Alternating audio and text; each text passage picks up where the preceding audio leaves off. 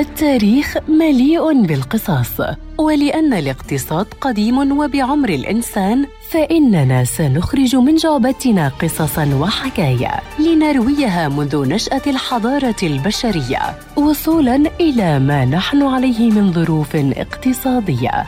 في بودكاست تاريخ الاقتصاد مع المدون الاقتصادي مجد النوري عبر إذاعة أجيال ومنصاتها المختلفة.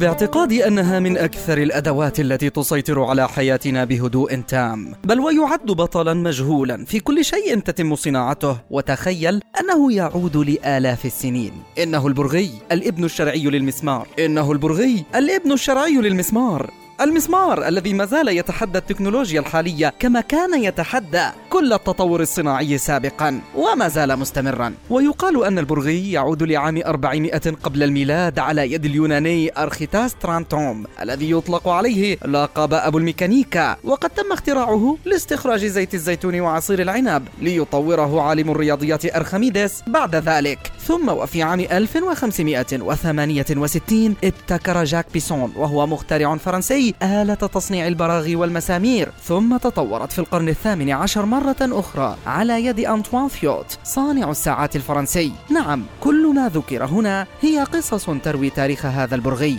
الذي كان ركيزة للثورة الصناعية بل تخيل أنه ركيزة التكنولوجيا والابتكارات خلال المئة وخمسين عاما الماضية. وكتحدي مني لك فأنت تستطيع فحص أهميته في منزلك. فإذا استثنينا وسادتك فإن سريرك يحتويه. وإذا إذا استثنينا غذاءك فإن ثلاجتك تحتويه. وإذا استثنينا شرابك نعم حتى ما يوصل الماء إليك يحتويه. وهذه قصة البرغ والمسمار. قصة ترويها بودكاست أجيال التي ما إن أنهت تاريخا حتى فتحت الصفحات لتاريخ مهم آخر.